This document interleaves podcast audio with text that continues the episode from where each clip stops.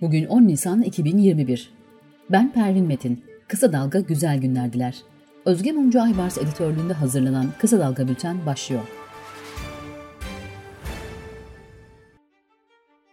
İtalya Başbakanı Mario Draghi, Avrupa Komisyonu Başkanı Ursula von der Leyen'in Ankara ziyaretinde ayakta kalmasıyla yaşanan protokol krizinden Cumhurbaşkanı Recep Tayyip Erdoğan'ı sorumlu tuttu.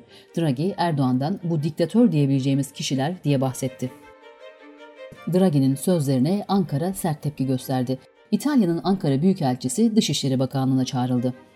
Dışişleri Bakanı Mevlüt Çavuşoğlu, Cumhurbaşkanımız hakkındaki çirkin ve hadsiz ifadelerini kuvvetle kınıyor, kendisine iade ediyoruz derken, İletişim Başkanı Fahrettin Altun, diplomaside yeri olmayan bu üslubu şiddetle kınıyoruz, diktatör arayan Mario Draghi İtalya tarihine baksın ifadelerini kullandı. İyi Parti Genel Başkanı Meral Akşener, Cumhurbaşkanı Erdoğan için diktatör nitelemesi yapan İtalya Başbakanı Draghi'yi eleştirdi ve Erdoğan'a posta koymasına müsaade etmeyiz dedi. Rabia Naz Vatan'ın 2018'deki ölümüyle ilgili soruşturmada 5 kez ifade değiştiren tanık Mürsel Küçükal'ın babası Selim Küçükal tüfekle kendini vurarak intihar etti. Daha önce de o dönem Eynesil kaymakamı olan Yılmaz Kurt otomobilinde ölü bulunmuştu. Türk Silahlı Kuvvetleri'nin bombardımanı sonucu yaşamını yitiren 34 kişinin aileleri yargı sürecinin yeniden başlatılması için Anayasa Mahkemesi'ne başvurdu.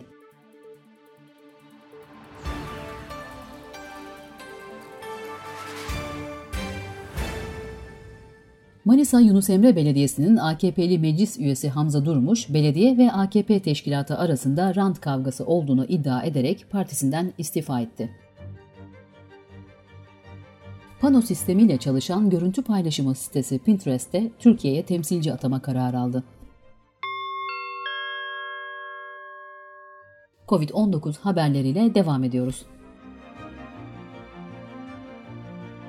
Türkiye'de günlük koronavirüs vaka sayısı 55 bini aşarken İstanbul, Ankara, İzmir, Adana, Bursa ve Samsun tabip odalarının başkanları durumun giderek kötüye gidebileceği uyarısı yaparak aşılamanın hızlanmasını istedi. Koronavirüs nedeniyle tedavi gören CHP İstanbul İl Başkan Yardımcısı Kemal Gülhan yaşamını yitirdi. Erciyes Üniversitesi koronavirüsüne karşı geliştirilen yerli aşının faz 2 ikinci doz uygulamalarının bugün tamamlandığını açıkladı. Sağlık Bakanı Fahrettin Koca, önlemleri gevşettik maalesef derken Temmuz ayına kadar 20 yaş üstüne aşılamayı planladıklarını belirtti. Milli Eğitim Bakanı Ziya Selçuk, 1 milyon 259 bin öğretmenin %10'unun aşılandığını belirterek, önümüzdeki günlerde bunun hızla artacağını söyleyebilirim, 125 bin öğretmenimizin aşılanacağını da söylemiş olayım dedi. Filipinler'de Covid-19 yasağını çiğnediği gerekçesiyle polis tarafından 300 squat yapma cezası verilen Darren Manao Penaredondo kas kasılması nedeniyle hayatını kaybetti. Sırada ekonomi haberleri var. Tarım ve Orman Bakanı Bekir Pakdemirli, stoktaki patates ve kuru soğanı ihtiyaç sahibi ailelere bedelsiz dağıtacaklarını açıkladı. Merkez Bankası 2021 yılı Nisan ayı beklenti anketini açıkladı.